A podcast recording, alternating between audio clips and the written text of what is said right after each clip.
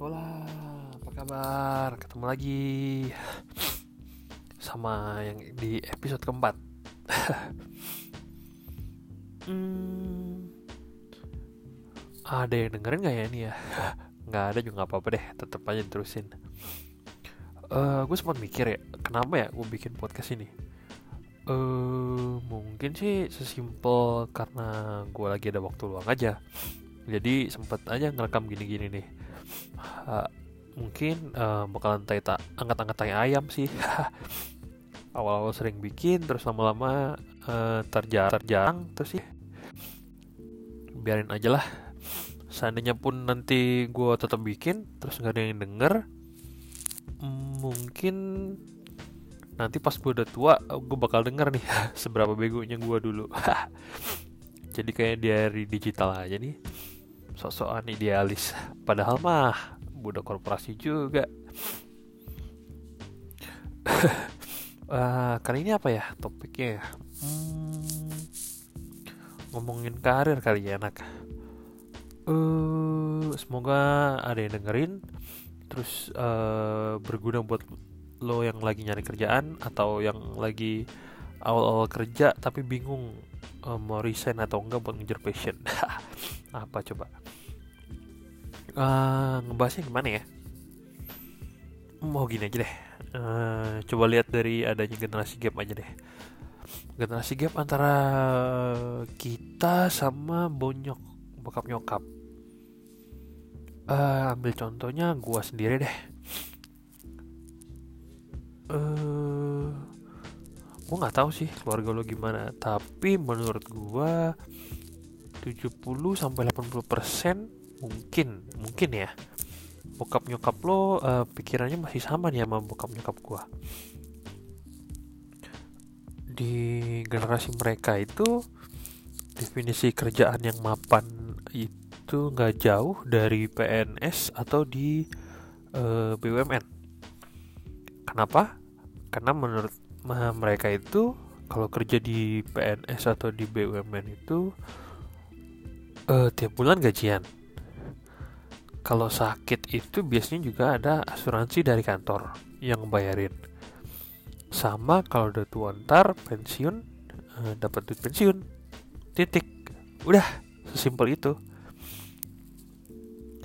Selain kerjaan yang uh, di PNS atau BUMN itu biasanya dianggap nggak mapan.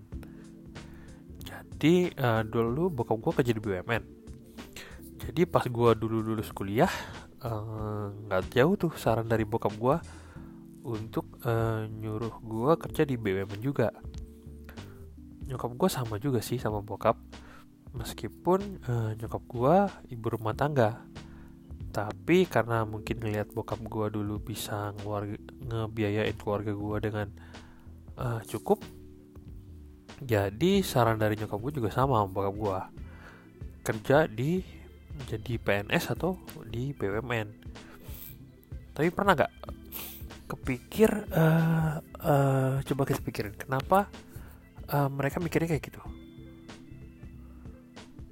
Hmm, menurut gue sih karena uh, itulah yang bonyok gue tahu dan yang mereka lihat di lingkungan mereka. Gua generasi yang lahirnya di 80-an akhir besar di 90-an dan uh, kuliah di 2000-an dan mulai kerja di 2010-an bokap nyokap gue tuh lahirnya di tahun 50-an jadi mereka itu generasinya masih baby boomers kalau kata orang-orang. Di zaman mereka itu mungkin TV pun barang mewah apalagi internet boro-boro. Internet tuh baru ada di Indonesia kayaknya tahun 90-an akhir mungkin ya. Singkat gue sih pas iya 90-an akhir kayaknya. Nah uh, eh, gue yakin tuh kalau misalkan orang tua kalian lahir di 50-an atau mungkin di awal 60-an uh, kemungkinan besar cara pikirnya juga sama.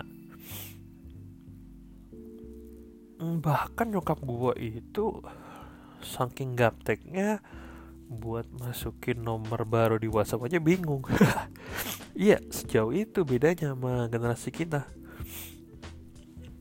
nah itulah yang ngebuat uh, mereka itu nggak akan kebayang kalau uh, kalian misalkan pengen kerja di bidang uh, financial technology fintech atau misalkan uh, pengen kerja di Gojek pasti mereka akan bilang uh, mau jadi apa kerja di sana nggak ada karirnya nggak ada asuransi untuk kesehatan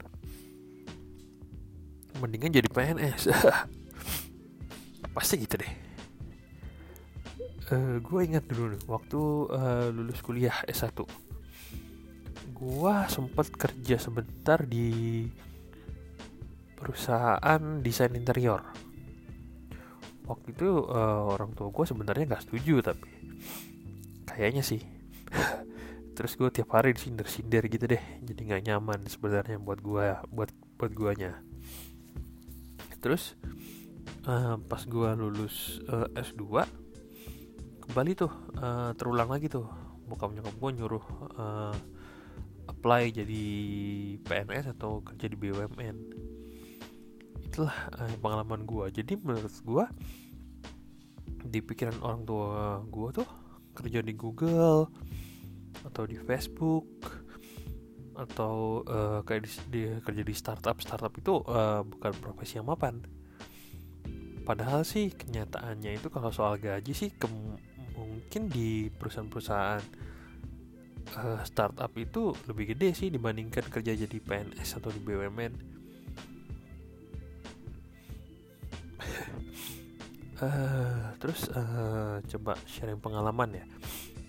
Gue kerja uh, kerja di BUMN sekarang. Nah uh, itu emang dari hmm, apa ya namanya tuh ya? uh, engagement kali bilangnya ya. Kesetiaan loyalitas lah loyalitas sama perusahaan. Itu juga beda banget. Kalau di generasi orang-orang tua kita itu di baby boomers atau mungkin gen X kali ya itu masih uh, kalau gue bilang itu engagement terhadap perusahaan tempat mereka bekerja itu cukup gede sih. Jadi uh, di mereka itu kerja itu ya untuk sampai pensiun. Sedangkan untuk uh, generasi milenials itu mungkin uh, ngelihatnya apalagi kantor pertama ya? Kantor pertama itu cuma dianggap kayak uh, tempat belajar kayak tempat cari pengalaman lah dibilangnya dan uh, berharap suatu saat nanti akan pindah ke tempat yang lebih besar lagi yang gajinya lebih lebih gede. Nah uh, segitu beda uh, segitu besarnya tuh perbedaan uh, dari cara berpikirnya. Orang dulu mikirnya uh, kerja sampai pensiun sedangkan kalau generasi sekarang tuh kerja untuk cari pengalaman pindah untuk uh, naik ke posisi yang lebih tinggi lagi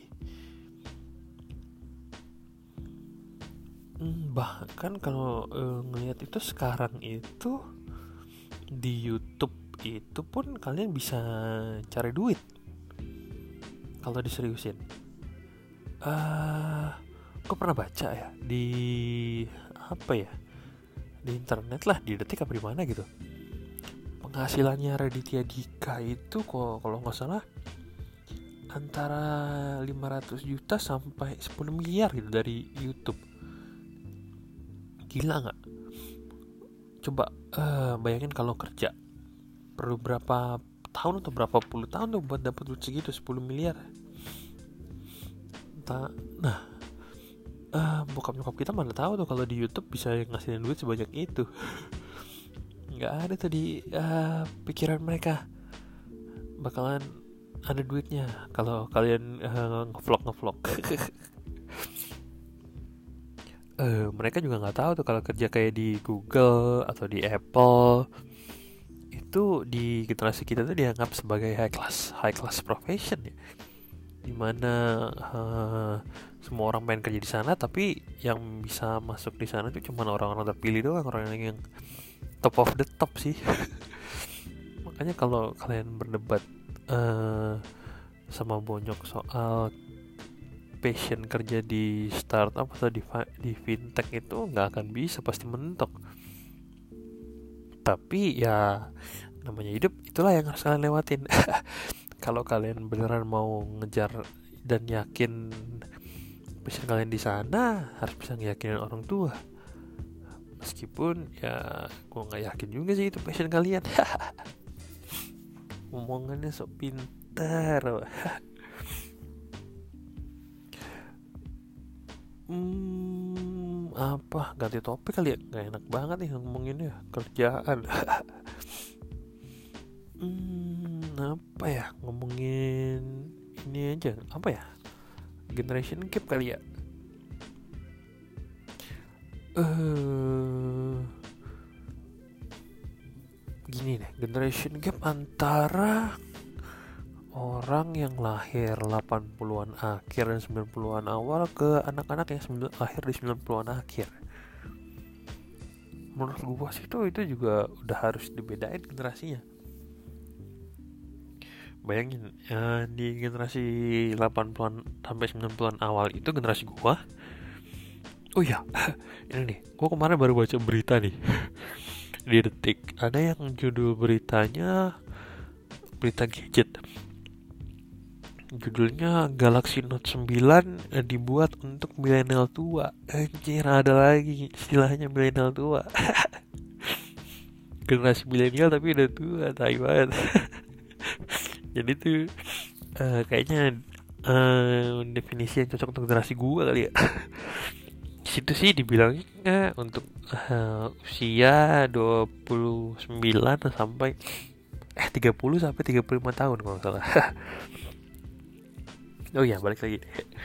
Di generasi gue tuh masih ada yang uh, main uh, layangan. Ada nggak tuh di generasi 2000-an atau 90-an akhir tuh yang main layangan? Kayaknya udah nggak ada deh. Gue udah yakin tuh nggak ada deh. Ya kalau layangan tuh jadi barang barang langka. Mau main di mana? 90-an akhir udah 90-an akhir kan berarti uh, eh, SD-nya mungkin 2005 oh udah main udah pasti main PS itu udah nggak main PS sama handphone. Udah nggak ada lagi main layangan. Dulu gua ada main petak umpet. Main bentengan tahu nggak bentengan? Pasti nggak tahu nah uh, dulu itu gua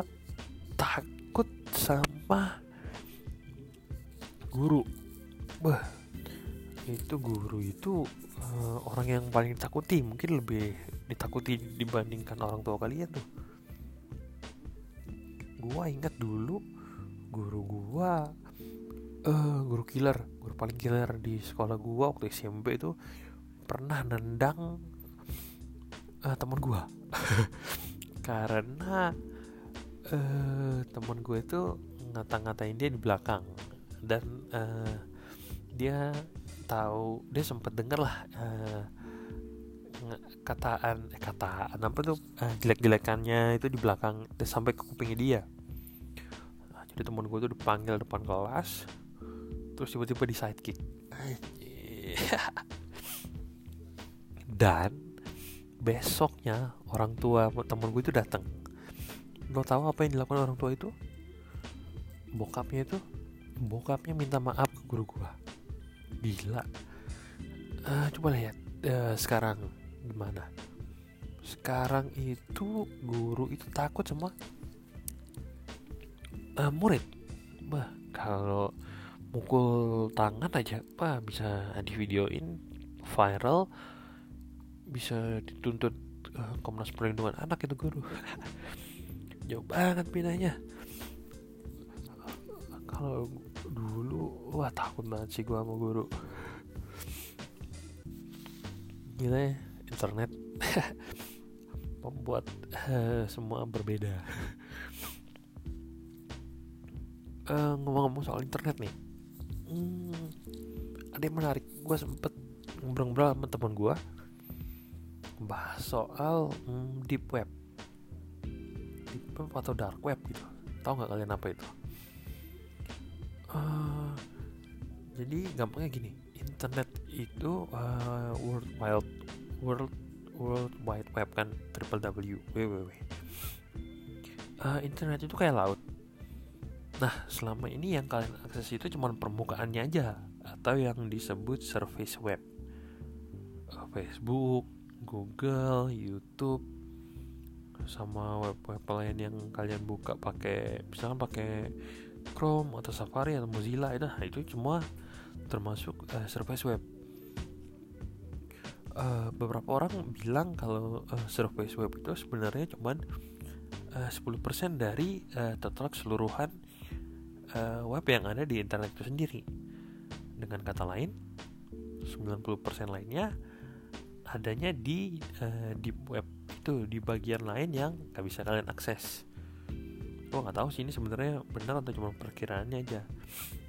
Tapi hmm, coba deh kalian buka kalau penasaran coba buka YouTube cari uh, deep web atau dark web itu pasti ada penjelasannya. Gue sendiri nggak pernah buka sih uh, dark web ini apa. Tapi menurut yang gue baca uh, untuk buka web itu sih kalian harus pakai browser sendiri. Namanya apa ya Tor browser apa apa gitu. Tapi browser itu uh, gak ada pengamannya sama sekali. Jadi kalau kalian pakai browser itu sebenarnya uh, kom uh, komputer kalian itu bakal uh, lebih rentan di hack lah intinya. Gampang untuk diakses dari orang lain di yang pun di luar sana yang bisa akses pakai IP atau pakai apa gitu. Ngeri deh nggak mau kan tiba-tiba data kalian uh, ada yang ngambil atau yang bisa lihat gitu. Nah waktu itu gue cuman uh, cari-cari di YouTube tentang deep web ini. Ternyata emang ada banyak video yang ngejelasin ya nah yang menarik itu waktu itu ada satu video yang uh, berusaha untuk ngebukain web-web yang ada di uh, di web ini. Nggak uh, semua video yang di di web atau dark web ini uh, ngeri sih isinya. Ada yang video random yang isinya cuman uh, layar yang isinya tau gak sih kalian uh, meme yang longket longket itu? Jadi yang gambar kucing tapi panjang banget nggak ada endingnya. Ya cuman gitu doang sih. Terus ada juga yang cuman uh, satu layar putih isinya titik doang di tengah gitu kayak web belum jadi gitu. Eh ada ada aja nih nah tapi cukup uh, menarik itu. Ada satu web yang uh, isinya kayak hmm, data-data hmm, negara. Uh, data data negara dan juga hmm, isu isu atau berita yang ada lagi negara itu. Misalnya gini nih oh lo bayangin satu web. Terus di sini ada Indonesia penduduk 270 uh, juta. Uh, index security uh, low to medium. Political stability. High kayak situs-situs di FBI atau CIA itu nih. Keren keren keren. Itu uh, situsnya kalau yang itu sih uh, termasuk menurut gue menarik gitu. Tapi ada juga video-video yang serem yang bikin enek. Waktu itu uh, ada situs yang uh, isinya perdagangan senjata gitu. Jadi misalkan kayak kalian pengen beli uh, lu pengen beli uh, AK AK47 itu ada yang jual dan bisa di deliver ke rumah kalian. Bayarnya pakai bitcoin. Tahu kan kalian bitcoin? Kenapa pakai bitcoin? Ya biar nggak bisa terlacak aja karena kan bitcoin itu kan uh, relate nya ke ID kan bukan ke nomor rekening pemilik uh, bitcoin tersebut. Uh, terus yang paling freak juga ada waktu itu satu web yang uh, diklaim dibuat oleh seorang pembunuh berantai serial killer di Amerika sana. Nah dia uh, ngaku tuh I am responsible for uh, killing of siapa? Misalkan si A. Nah pas di cross check emang si A itu uh, adalah salah satu uh, missing victim. Jadi orang hilang di daerah misalkan kayak di daerah California gitu. Nah dia bahkan uh, posting foto korban-korbannya, wah ngeri banget. Terus dia juga nantangin ke semua orang yang bisa ngebaca itu, baca website itu untuk bisa nangkep dia. Kalau kalian bisa nangkap saya akan mengakui perbuatan saya. Wah itu gila ngeri banget. Ngeri ngeri banget. Gue nggak berani deh buka web web kayak gitu. Uh, terus juga ada yang uh, isinya situs penyewaan pembunuh bayaran. Hitman. Gila. Segitu ngerinya tuh internet tuh. Lu bayangin ada uh, misalkan lu ada musuh. Terus uh, musuh itu um, buka uh, website itu. Terus dia uh, mesen hitman buat ngebunuh lo bayar pakai bitcoin. Anjir ngeri nggak? Ngeri cing uh, bahkan hmm, ada yang bilang juga sebenarnya kalau misalkan kalian ada posting sesuatu di internet. Let's say foto foto sama mantan gitu. Terus karena uh, udah putus kalian hapus nih fotonya nih. Nah itu sebenarnya uh, data itu bisa direcover. Coba deh kalian googling. Uh, bahkan mungkin kalau nggak sedikit ngerti internet sih lu bisa recover itu sendiri. Nggak perlu pakai jasa-jasa hacker. Simpel kok datanya di googling aja ya. Di google aja ada cara-caranya kok. Ngeri banget. Jadi ah, mendingan pikir-pikir lagi deh kalau mau posting sesuatu di internet. Karena datanya itu nggak akan bisa hilang. Buat oh ya suka-suka uh, kayak gini ini ada tuh serial yang kalian to bisa tonton. Black Mirror. Mungkin uh, beberapa ada yang udah nonton sih. Tapi menurut gua uh, Black Mirror itu sesuatu serial yang mind blowing banget sih gue suka banget nontonnya meskipun belum semua sih. Karena itu berat banget. Ada. Jadi inti dari podcast kali ini adalah hati-hati hati-hatilah di internet. Apa coba? Gue bingung nih bridging nutupnya gimana?